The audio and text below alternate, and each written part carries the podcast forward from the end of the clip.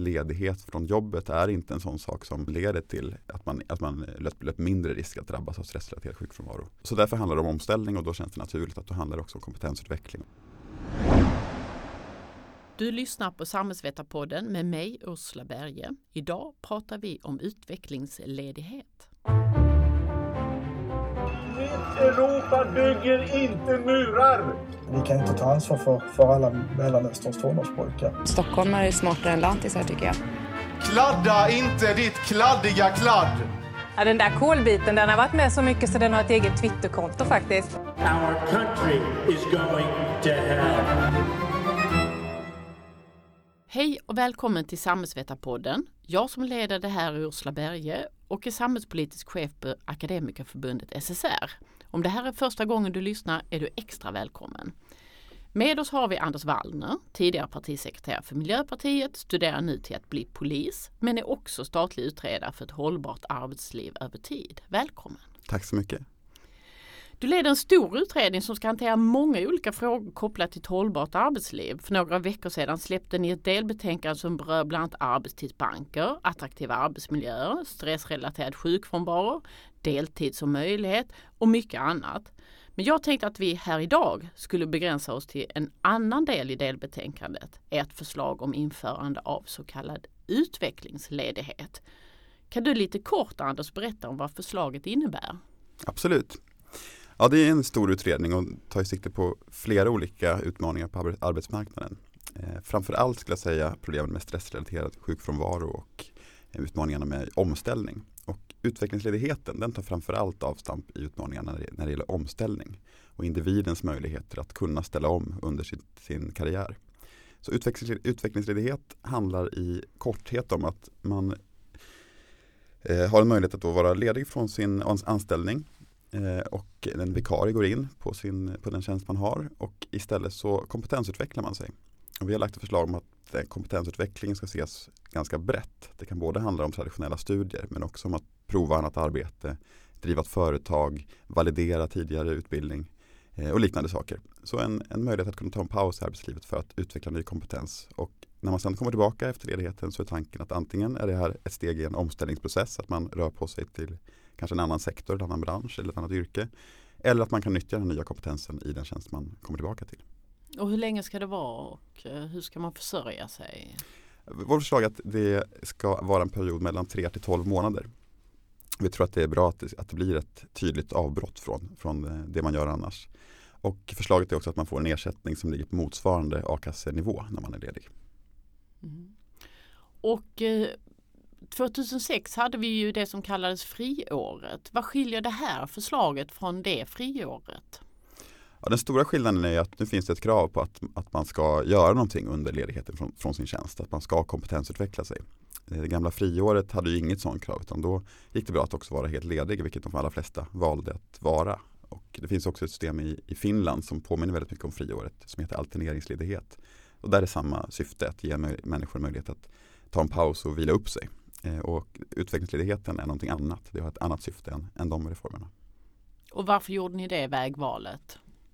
Det landade vi ganska tidigt, framförallt för ingångarna i våra direktiv att vi ska titta på saker som löser eh, omställningsutmaningen eh, och titta på vad som kan lösa frågan om stressrelaterad sjukfrånvaro. Och när man tittar dels lite på utvärderingarna av friåret och alterneringsledigheten men kanske framförallt på den mer generella forskningen kring vad som förebygger stressrelaterad sjukfrånvaro så såg vi inte att ledighet från jobbet är inte en sån sak som, som i alla fall per definition leder till eh, att man, att man löper mindre risk att drabbas av stressrelaterad sjukfrånvaro.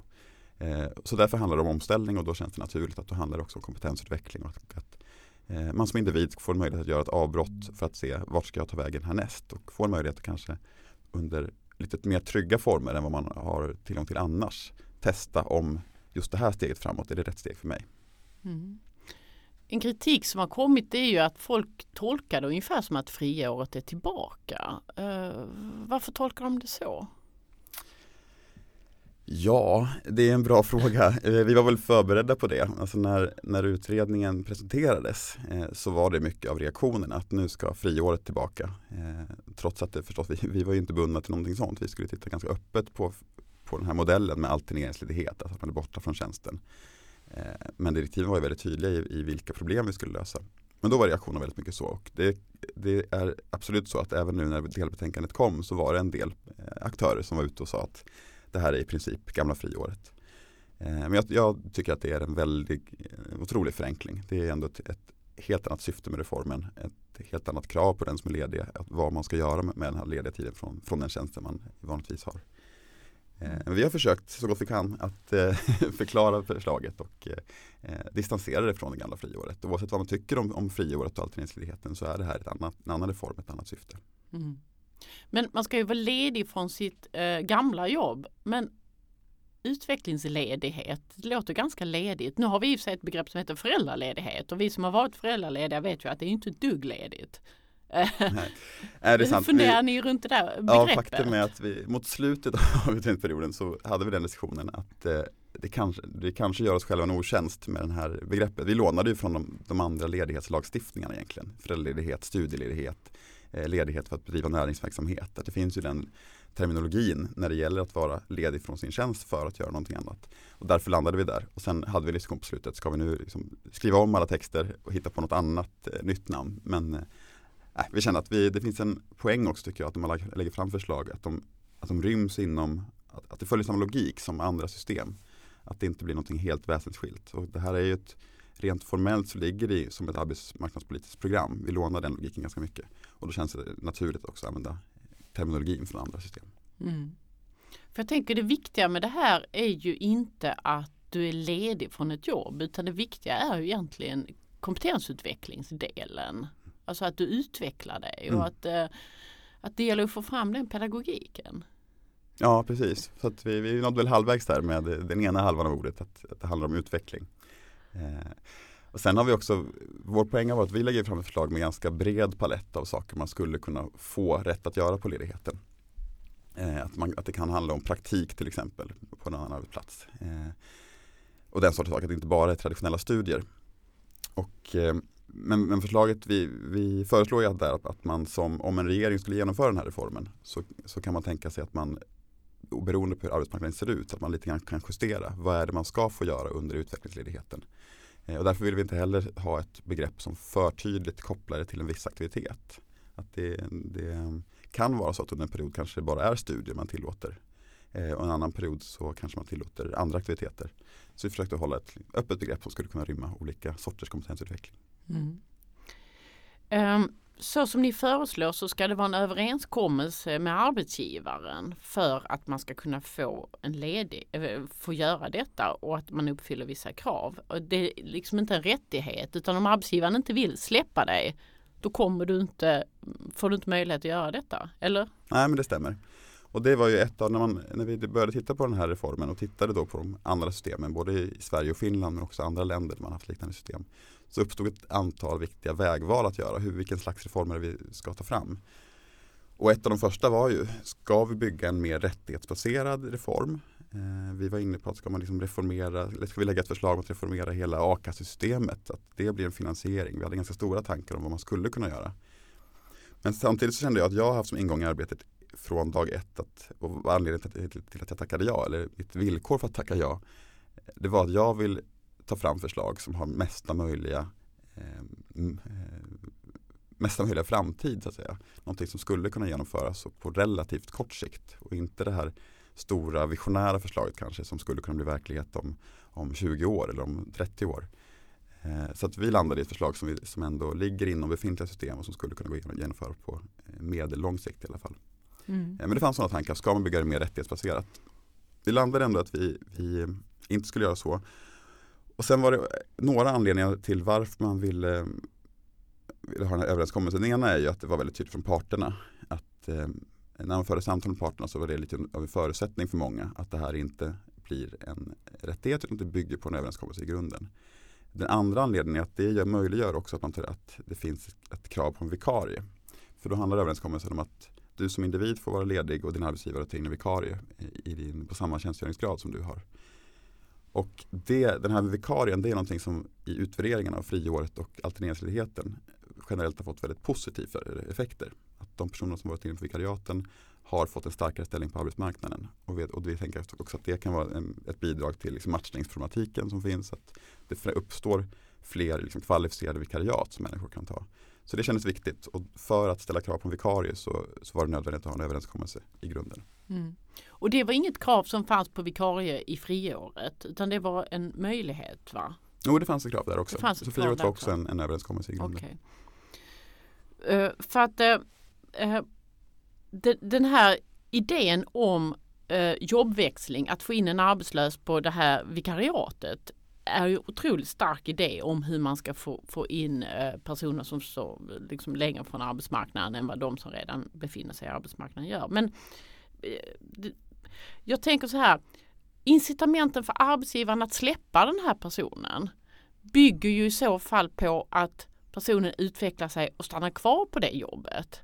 Alltså om man utvecklar sig i syfte att, att gå till en annan arbetsgivare i en helt annan bransch för att man är felmatchad, man har egentligen en helt annan utbildning. Hur ska du få arbetsgivaren när det krävs den här överenskommelsen?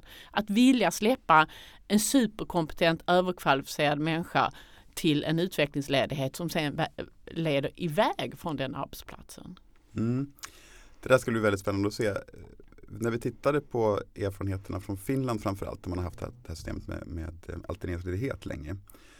Där var ju arbetsgivarorganisationerna väldigt kritiska och har alltid varit det mot, mot systemet. Men när man får frågan som enskild arbetsgivare så säger man i regel ja.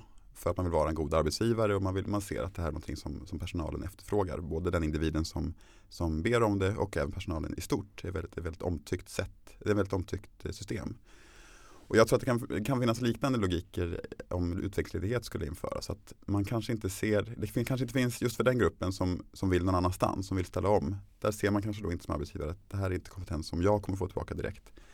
Men den här personen kanske ändå är på väg från mig. Det här, eh, eller, så att, eller att man bara tänker att eh, jag vill vara en så god arbetsgivare som möjligt och det här är något som är väldigt viktigt för personen. Och det funkar för oss att ta en vikarie just nu, eh, det kommande året eller det kommande halvåret.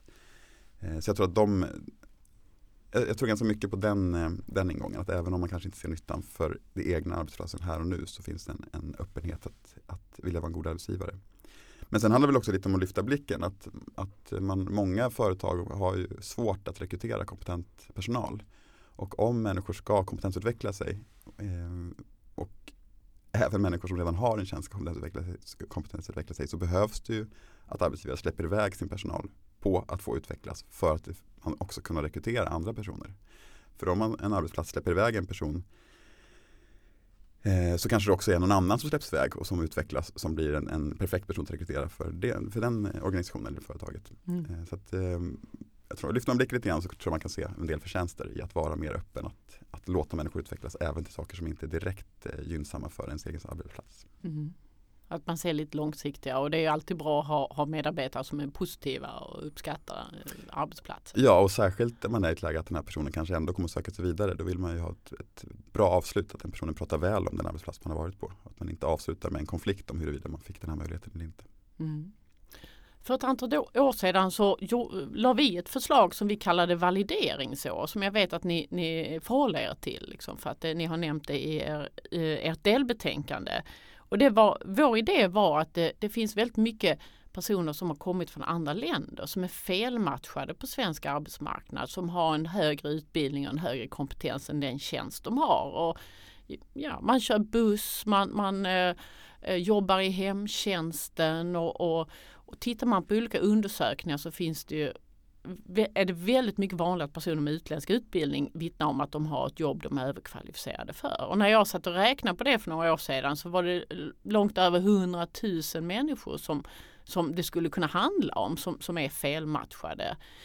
Um, hur har ni räknat runt det här med volymer och vilka som skulle kunna komma ifrån? Inte, alltså, hur stor skulle den potentiella målgruppen kunna vara? Ja, det där är det har ju varit jättesvårt. Vi har gjort sådana beräkningar i delbetänkandet och försökt fundera eh, och tittat på vad människor svarar i olika mätningar på. Ser du ett behov av att du behöver kompetensutveckla dig inom de, inom de närmsta 5-10 åren?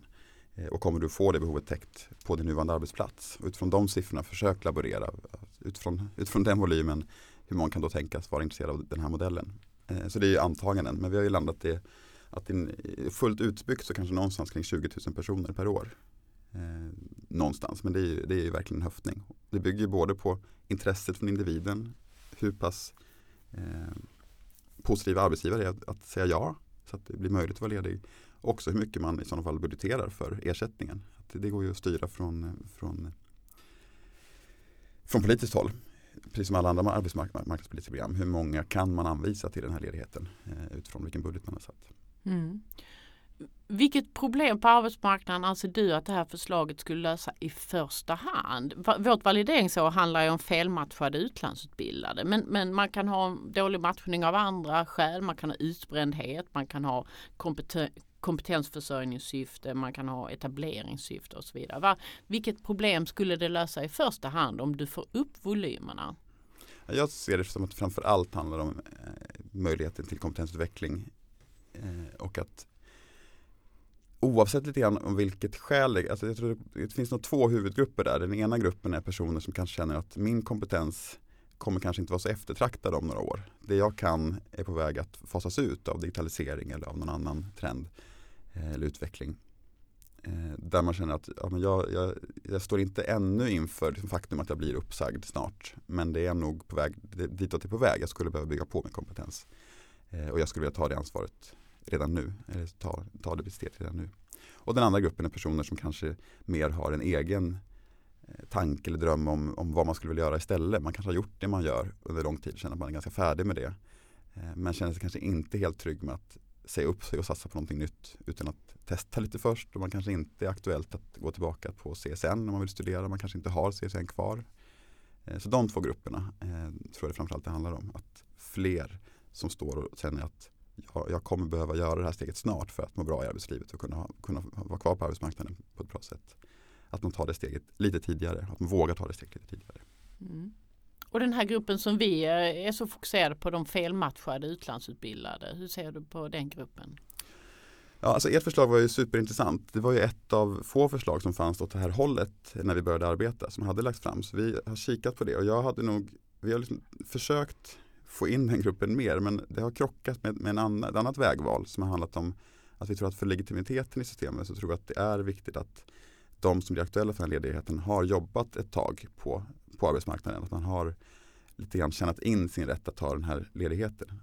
Vi vet att det fanns exempel under, under friåret att personer som var väldigt unga och ganska nya på arbetsmarknaden fick friår och kunde, eh, kunde då liksom nästan inleda sin karriär med att vara ledig. Och det stack nog i ögonen på många. Så därför har vi ett krav att man ska ha arbetat 10 av de 15 senaste åren. Eh, och då blev det svårt att bygga ett system som också fångar upp utmaningen med validering av, av just utländsk eh, utbildning. Det, det, går ju att nyttja systemet till det men, men som du och jag pratade om tidigare så, så tappar ju lite, poängen försvinner lite grann ju fler år som går. Och har man varit i Sverige och jobbat inom fel yrke i tio år så är det liksom svårt att få upp värdet av den gamla utbildningen. Det är svårare att få fram värdet av den gamla utbildningen. Mm. Eh, så det har varit en utmaning tycker jag att hitta mm. ett sätt att få in den, den eh. mm, Jag tänkte vi ska diskutera det här med kvalificeringsvillkoret lite senare men jag tänkte först gå in eh, på lite av kritiken ni har fått sedan ni lämnade delbetänkandet. Och vilken kritik är du mest förvånad över?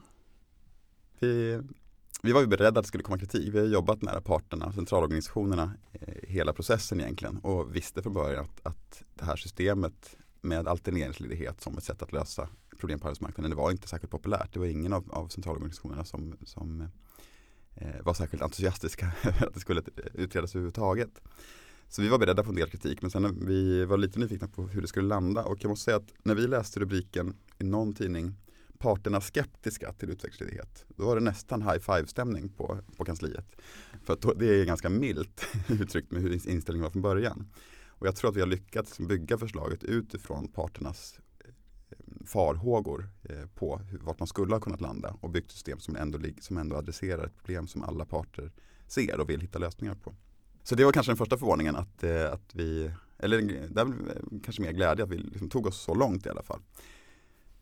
Sen tycker jag att mycket av kritiken har varit väldigt bra. Det jag är lite förvånad över är möjligtvis kritiken som har varit uppe om att när, man, när det sker rena missuppfattningar, att, att man lyfter kritik mot att det inte skulle att det inte är ett system för människor som, har, som inte har en heltidsanställning eller en tillsvidareanställning. Vilket inte stämmer för vi har inte satt några krav på att, att, den här, att att, vara etablerad på arbetsmarknaden är inte definierat som att vara, att vara heltidsanställd eller, eller ha en fast anställning. Däremot att man har jobbat 10 av de 15 senaste åren och hos samma arbetsgivare det senaste året. Men vi har inte ställt något krav på hur mycket man ska ha jobbat hos den arbetsgivaren. Just för att kunna träffa personer som har Eh, en lite svagare ställning på arbetsmarknaden där vi tror att det här skulle kunna vara ett väldigt bra sätt att kunna fylla på med kompetens och därmed också få en starkare ställning. Mm. Um, alltså vi på Akademikerförbundet SSR eh, tyckte ju det här var väldigt glädjande att det här förslaget kom och, och, och, för att matchningen måste bli bättre på arbetsmarknaden och det går inte av sig själv. Och jag tycker det är så intressant, vi har en väldigt eh, animerad arbetsmarknadspolitisk debatt idag som handlar om att vi har en dålig matchning på arbetsmarknaden. Vi har, vi har mycket lediga jobb och vi har många arbetslösa. Och eh, om man inte tror att detta beror på att alla system är ineffektiva utan att det är liksom inte rätt personer, att de inte matchas eh, för att det, det går inte, de som är arbetslösa idag kan inte bli, ta civilingenjörsjobb och specialistsjuksköterskejobb för, för det är liksom inte det är inte matchat så. Då är just en sån här modell om hur, hur man flyttar på människor och skapar en jobbväxlingskedja eh, om vi inte ska importera jättemycket arbetskraft, vilket jag i och för sig kan vara för, men, men då är ju en sån här jobbväxling en modell för att jobbväxla, att flytta människor som är felmatchade och kan utveckla sig vidare. Alltså det måste ju vara vägen framåt. Men, men eh, hur får man fram den pedagogiken? Ja, det är ju en utmaning för jag, jag håller verkligen med, med dig i det. Och det, vi fick, I våra direktiv var det tydligt att det här ska vara individens ledighet man tittar på. Liksom individens eh, eh, det ska utformas utifrån, utifrån individens perspektiv. Men vi tycker att även om man tittar ur ett, ur ett samhällsperspektiv och tittar just på matchningsfrågorna så är det här någonting som skulle kunna vara en lösning framåt. Just för att både liksom skapa de här luckorna, bieffekten av det här vikariatet kan i sig vara positivt att det finns kvalificerade vikariat att, att matcha till. Men framförallt just som du är inne på att ska man skapa utrymme på arbetsmarknaden för människor som, inte har, som har låg eller ingen utbildning så måste de som har en del utbildning också utveckla sig för att skapa de här effekterna. Eh, men jag tror att det kan vara lite svårt att få fram pedagogiken för att man får, men det blir liksom flera steg. Att, att det är väldigt lätt att säga att det är klart att Arbetsförmedlingen måste fokusera på de som står längst från arbetsmarknaden. Eller att, eh Eh, ja, men som en kritik från det här förslaget, varför ska, varför ska man lägga massa pengar på de som redan har ett jobb? det är ett, en väldigt kort och ganska tydlig kritik som många nog kan hålla med om initialt. Ja, men varför, varför ska man lägga massa pengar på den här ersättningen för människor som redan finns på arbetsmarknaden? Det är väl inte de vi ska bry oss om mest, det är väl de som inte har jobb. Samtidigt som jag tror att man kan, man skulle, man eh, kan absolut se att just att fokusera på att skapa den här rörligheten är att satsa på de som står längst från arbetsmarknaden. För det skapar utrymmet för dem att kunna ta sig in. Inte just på den platsen men Eh, på den plats som skapas för att det skapas rörlighet. Mm. Precis, Nej, men att skapa de här vakanserna som, som gör att de som inte har eh, högre utbildning eller kanske ens gymnasieutbildning faktiskt kan få tillgång till de här jobben inom hemtjänsten och tunnelbanan och taxi och så vidare. Är ju, är ju egentligen, men man måste klara av att tänka i två steg och det är väl det som den allmänna debatten inte är speciellt bra på. Men, men det är ju ett eh, viktigt sätt att komma vidare. Men vi är som sagt som förbund väldigt positiva till det här men vi tillåter oss ju också se skönhetsfläckarna. Och det här med kvalificeringsvillkoret som vi var inne på. Ni skriver att arbetstagare ska vara etablerad på arbetsmarknaden och ska varit i arbete under minst 10 år de senaste 15 samt att man ska varit anställd hos arbetsgivaren de senaste 12 månaderna. Och det kan man ju förstå det här att man ska på något sätt förtjänat in sin, sin, sin rätt att, att eh, liksom få, få möjlighet att kompetensutveckla sig. Men vad är det som hindrar att man till exempel ställer krav på att, att eh, det spelar ingen roll om du har jobbat de här tio åren i Sverige eller i ett annat land? Ja, det är en väldigt bra eh, fråga om, om man skulle kunna göra den eh, det kriteriet typ länderneutralt. Eh, vi tittade lite grann på det där, hur det, vad, vad som gäller för lagstiftning om eh, erfarenhet från andra EU-länder. Om det automatiskt räknas in i ett arbetsmarknadspolitiskt program. Eh, och så var det inte, utan där, i de programmen är det liksom den svenska arbetsmarknaden man utgår från. Och där, ska man vara ärlig så, de, vi hann inte riktigt titta på det. det är, man, eh, man tycker alltid, tidigare, när, det här är min första utredning som jag har arbetat i och de har alltid tyckt att när man, från, när man har varit inom politiken och tittat på att nu ska vi titta en utredning så tycker man alltid gud vad länge de ska hålla på, kan de inte liksom snabba på lite grann? Och sen när man själv sitter i en utredning så inser man otroligt kort tid det blir när man sitter då, ja vi tillträdde jag fick uppdraget i juni och hade ett sekretariat på plats i augusti och sen skulle vi då skicka på tryck i, i februari. Att, och hade ganska många frågor att utreda också på den tiden. Det finns massa sådana saker som dyker upp längs vägen som man inte riktigt hinner. Jag tycker det där är superintressant att titta på. Skulle man hitta antingen någon slags system att, att det går att göra länder neutralt, det här eh, kriteriet så att man skulle kunna få in människor som har kommit hit med massa erfarenhet och bra utbildning som ska nyttja det här systemet för validering.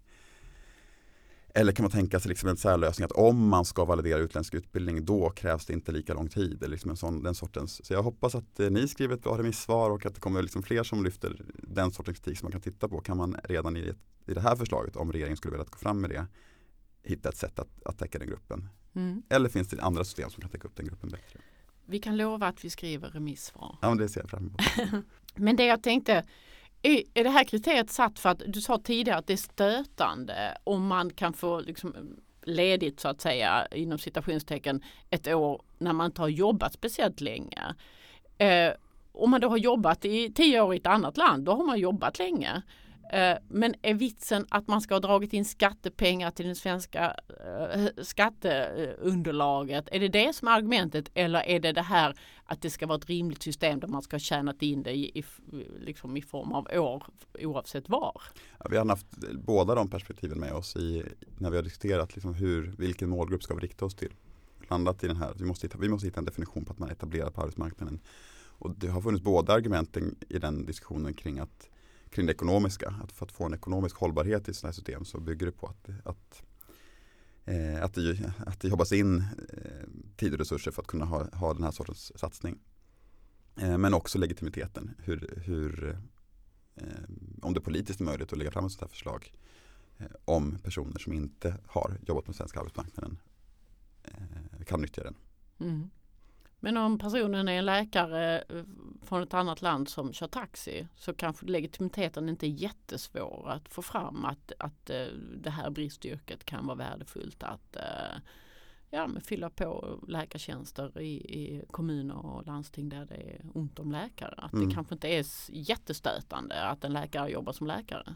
Nej, det tror jag inte. Men där känner man väl mest att, att där ska väl, det ska ju förhoppningsvis ske ännu tidigare. Alltså att, att validera, i den bästa världen skulle ju den processen ske när man kommer till Sverige. Att det görs en ordentlig validering vad man, vad man kan och vad man har jobbat med. Och hitta bästa möjliga väg in i det yrket när man kommer, kommer hit till Sverige. Snarare än att vänta på att få eh, kunna ta del av en sån här reform som mer syftar till att man eh, att man ska byta spår, att man ska välja någonting annat eller att utveckla någon, någon ny kompetens. Mm. Vi, har, vi har med validering för vi tycker att det är viktigt att den möjligheten finns. Inte minst för personer som kanske inte, där det inte är validering av utländsk kompetens utan validering av någonting man har lärt sig på, i arbetslivet som motsvarar Mm. eh, en utbildning. Eh, men vi har också öppet för att ska kunna täcka den här gruppen. Men egentligen så känner jag att det, det, det vore ju bättre om det fanns bra system för att göra det där tidigare under, under kedjan. Mm. Och det är en delvis annan fråga utan, men det, det kan ju vara människor som har arbetat här ett antal år som är felmatchade.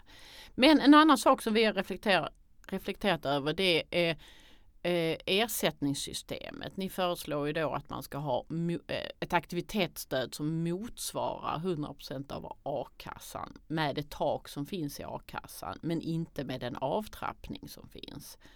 Eh, då är ju taket i a-kassan konstruerat så att om du har mer än 25 000 i månaden så, så får du inte 80 av a-kassan. Hur tänker ni runt begränsningar i målgruppen eh, kopplat till det här? Ja, vi resonerade fram och tillbaka om ersättningen, kikade på det gamla systemet med friår som var det vi hade som tidigare svensk eh, modell. Där låg det på 80% av, av motsvarande ersättning, så då låg det lägre. Vi gick upp till 100% eh, och tog bort nedtrappningen. För att liksom ha högsta möjliga ersättning inom ett befintligt system någonstans. Men sen är det klart att för väldigt många grupper så innebär det att gå ner rejält i inkomst under den här tiden man är borta, under de här månaderna man är borta för kompetensutveckling. Så i grunden måste det ligga ett väldigt starkt eget driv och intresse för att det här är rätt för mig och det här är en investering för mig att göra. Och sen tycker jag att man ska liksom jämföra det med vad alternativet är. Eh, alternativet idag är att göra motsvarande sak, att ta, led, ta studieledigt till exempel för att kompetensutveckla sig och ta sig vidare på arbetslivet. Då, är det ju att, då tar man ledigt och sen har man möjlighet att söka CSN-medel om man har det kvar.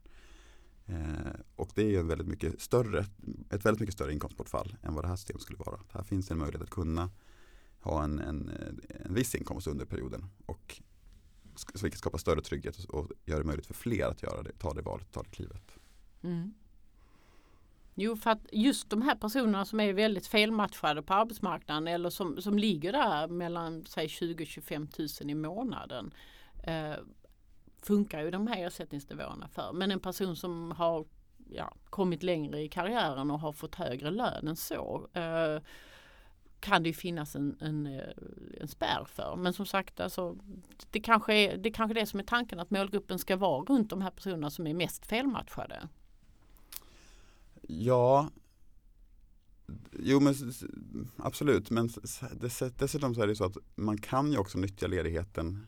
Man får man den här överenskommelsen och får en liten anvisning att man till exempel ska, man kanske har en superbra affärsidé och ska vill testa att driva företag. Men vågar, liksom inte, vågar man kanske inte säga upp sig och satsa all in på den här idén. För man vill se lite grann om det bär. Då är det här en möjlighet att under då den här ledigheten testa att driva sitt företag. Om det då går bra för företaget då är det en möjlighet att kunna få in Eh, en högre ersättning. Alltså en, hög, en inkomst som då räknas av på ersättningen men som, om, då, om det går bra så, så, eh, så innebär det en möjlighet att få en högre inkomst under perioden. Så det finns ju sätt det är därför reformen är spännande att prata om just för att det finns det är så otroligt många olika sorters individer som jag tror det här skulle kunna vara intressant för.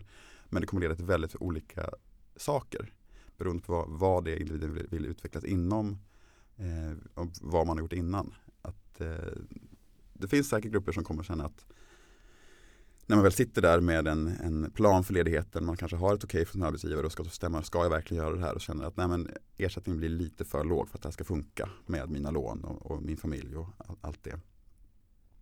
Medan andra kanske ser som att det här är en grundplåt och sen ger jag mig ut nu och testar om det här går vägen. Mm. Och eh, jag, jag klarar att gå ner så pass mycket under den här begränsade tiden. Eh, kanske har sparat, sparat lite pengar för att kunna göra det här och göra en, en personlig investering också. Mm. Ja, och som du nämner, det är ju väsentligt mycket bättre än studiemedelsnivån. Och är man mitt i arbetslivet och mitt i familjer och så vidare så, så är det ju väsentligt mycket bättre än CSN-nivån.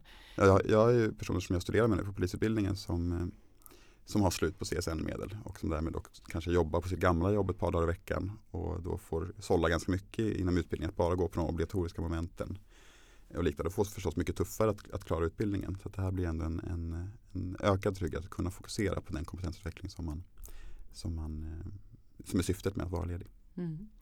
Hela idén om utvecklingsledighet handlar i grunden om att skapa mer av pos positiv rörlighet på arbetsmarknaden. Att människor rör sig på arbetsmarknaden till andra jobb och till ja, kompetensmässigt av, av positiva skäl. Um, vi har ju som fackförbund och många fackförbund har det, har ju någonting som heter inkomstförsäkring som handlar om att vi toppar upp a-kassan för att taket ligger där det ligger och ersättningsnivån också. Och vi kan toppa upp ganska rejält och detta är en idé både att skapa trygghet mellan arbete men också att främja en positiv rörlighet. Vår inkomstförsäkring är dessutom möjlighet att få även om man säger upp sig själv. Har ni, alltså om man tänker att parterna vill vara med på det här och bejaka den här positiva rörligheten. Har ni tittat på inkomstförsäkringen? Nu är det våra egna, men hur har resonemangen gått där? Jo men absolut, det har vi gjort. Ehm, och som jag sa i början så tittade vi, vi var ju länge inne på ska vi liksom titta både på det här lite mer visionära stora förslaget som kanske inte är fullt genomförbart från dag ett. Eh, och landet sitter, men vi, vi avgränsar oss och gör det här förslaget som skulle kunna genomföra ganska snart. Men i de diskussionerna om den lite större reformen, där fanns det absolut sådana diskussioner. Och vi hade sådana diskussioner med parterna också. Finns det intresse av att, att bygga det här tillsammans på något sätt? Vi har tittat ganska mycket på omställningsorganisationerna till exempel. Som ju parterna äger. Som är jättebra för grupperna som är uppsagda eller som, som eh, löper risk att bli det. Eh, att, att jobba med den gruppen, att titta på vad, vad kan vara en bra väg framåt för dig nu när du inte längre kan vara kvar på den arbetsplatsen du är den kompetensen vore väldigt intressant att få med i den här kedjan om utvecklingsledighet. För det saknas lite en sån funktion i Sverige av en, en eh, coachning, guidning för vuxna människor som är ute i arbetslivet. Men vart skulle man kunna ta vägen härnäst med min kompetens? Så det har vi kikat på. Eh, vi är också inne på den här upptoppningslogiken. Eh, utifrån att för då finns det en möjlighet att om man väljer helt själv någonting som, som ingen annan tycker är en bra idé att man satsar på, då kanske man har den här lägre ersättningen. Men om man till exempel utbildar sig till ett bristyrke eller, eller gör ett sånt väg framåt som andra samhällsaktörer också tycker är bra, så finns det för mig en logik att man då skulle kunna få en kanske högre ersättning för att fler ser samhällsnyttan i den kompetensutveckling man gör. Eh, i, under vår process så fanns det inte ett sådant intresse hos parterna att liksom bygga systemet på det sättet tillsammans. Men det var väl kanske ingen jätteöverraskning. Eh, när man leder en sån här process så är ju mitt, mitt slutdatum är när jag lämnar mitt betänkande till, till regeringen och så blir det remiss och sen funderar regeringen på vad man vill göra med förslaget. Och det vore väl dumt av parterna att visa alla sina kort redan då. Eh, jag, jag skulle tycka det var jätteroligt om det här förslaget blev grund för en diskussion mellan politiken och parterna om hur skulle man kunna bygga ett ännu bättre system med ännu bättre trygghet och möjligheter för de som, som nyttjar det. Och då är det absolut en av de sakerna som man skulle kunna tänka sig en diskussion om. Mm. Men det blir upp till politikerna. Ja, och, och parterna. parterna. Nej, men vi, jag tittar en hel del på vår omställningsorganisation. Det finns otroliga potentialer. Det är ju verksamhet som också har väldigt hög success rate i att få ut människor i, mm. i vettiga studier och vettigt arbete efter Absolut. arbetslöshet. Men vi ska börja avrunda lite. Vad vill du höra från remissrundan? Vad ska vi skriva? Vad ska ni skriva? Om dream scenario.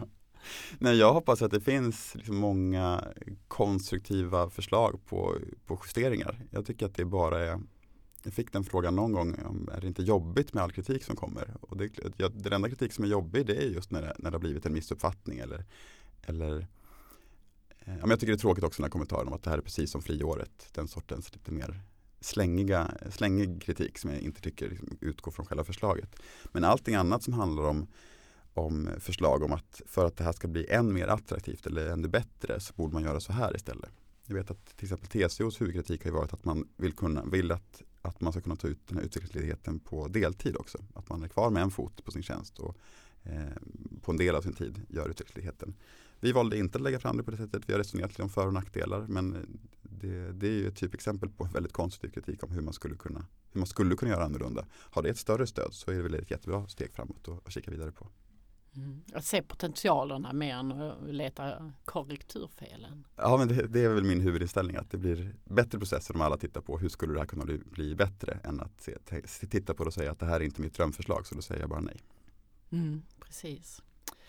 Vi ska försöka skriva remissvar som har en konstruktiv ansats. Har vi glömt någonting Anders eller känns det som att vi har varit inne på det viktigaste? Nej, jag känner mig nöjd. Jag har fått eh, prata om det här förslaget och, eh, och, fått möta bra kritik om det. Så jag, eh, tycker det var väldigt, väldigt trevligt. Tack Anders. Det var allt från Samhällsvetarpodden den här veckan. Du hör oss igen om två veckor. Samhällsvetarpodden görs varannan vecka och fångar upp stora samhällspolitiska frågor. Prenumerera gärna på oss på de ställen där du brukar hitta dina podcasts och glöm inte att betygsätta och kommentera. Samhällsvetarpodden görs av Akademikerförbundet SSR, Sveriges ledande samhällsvetarförbund.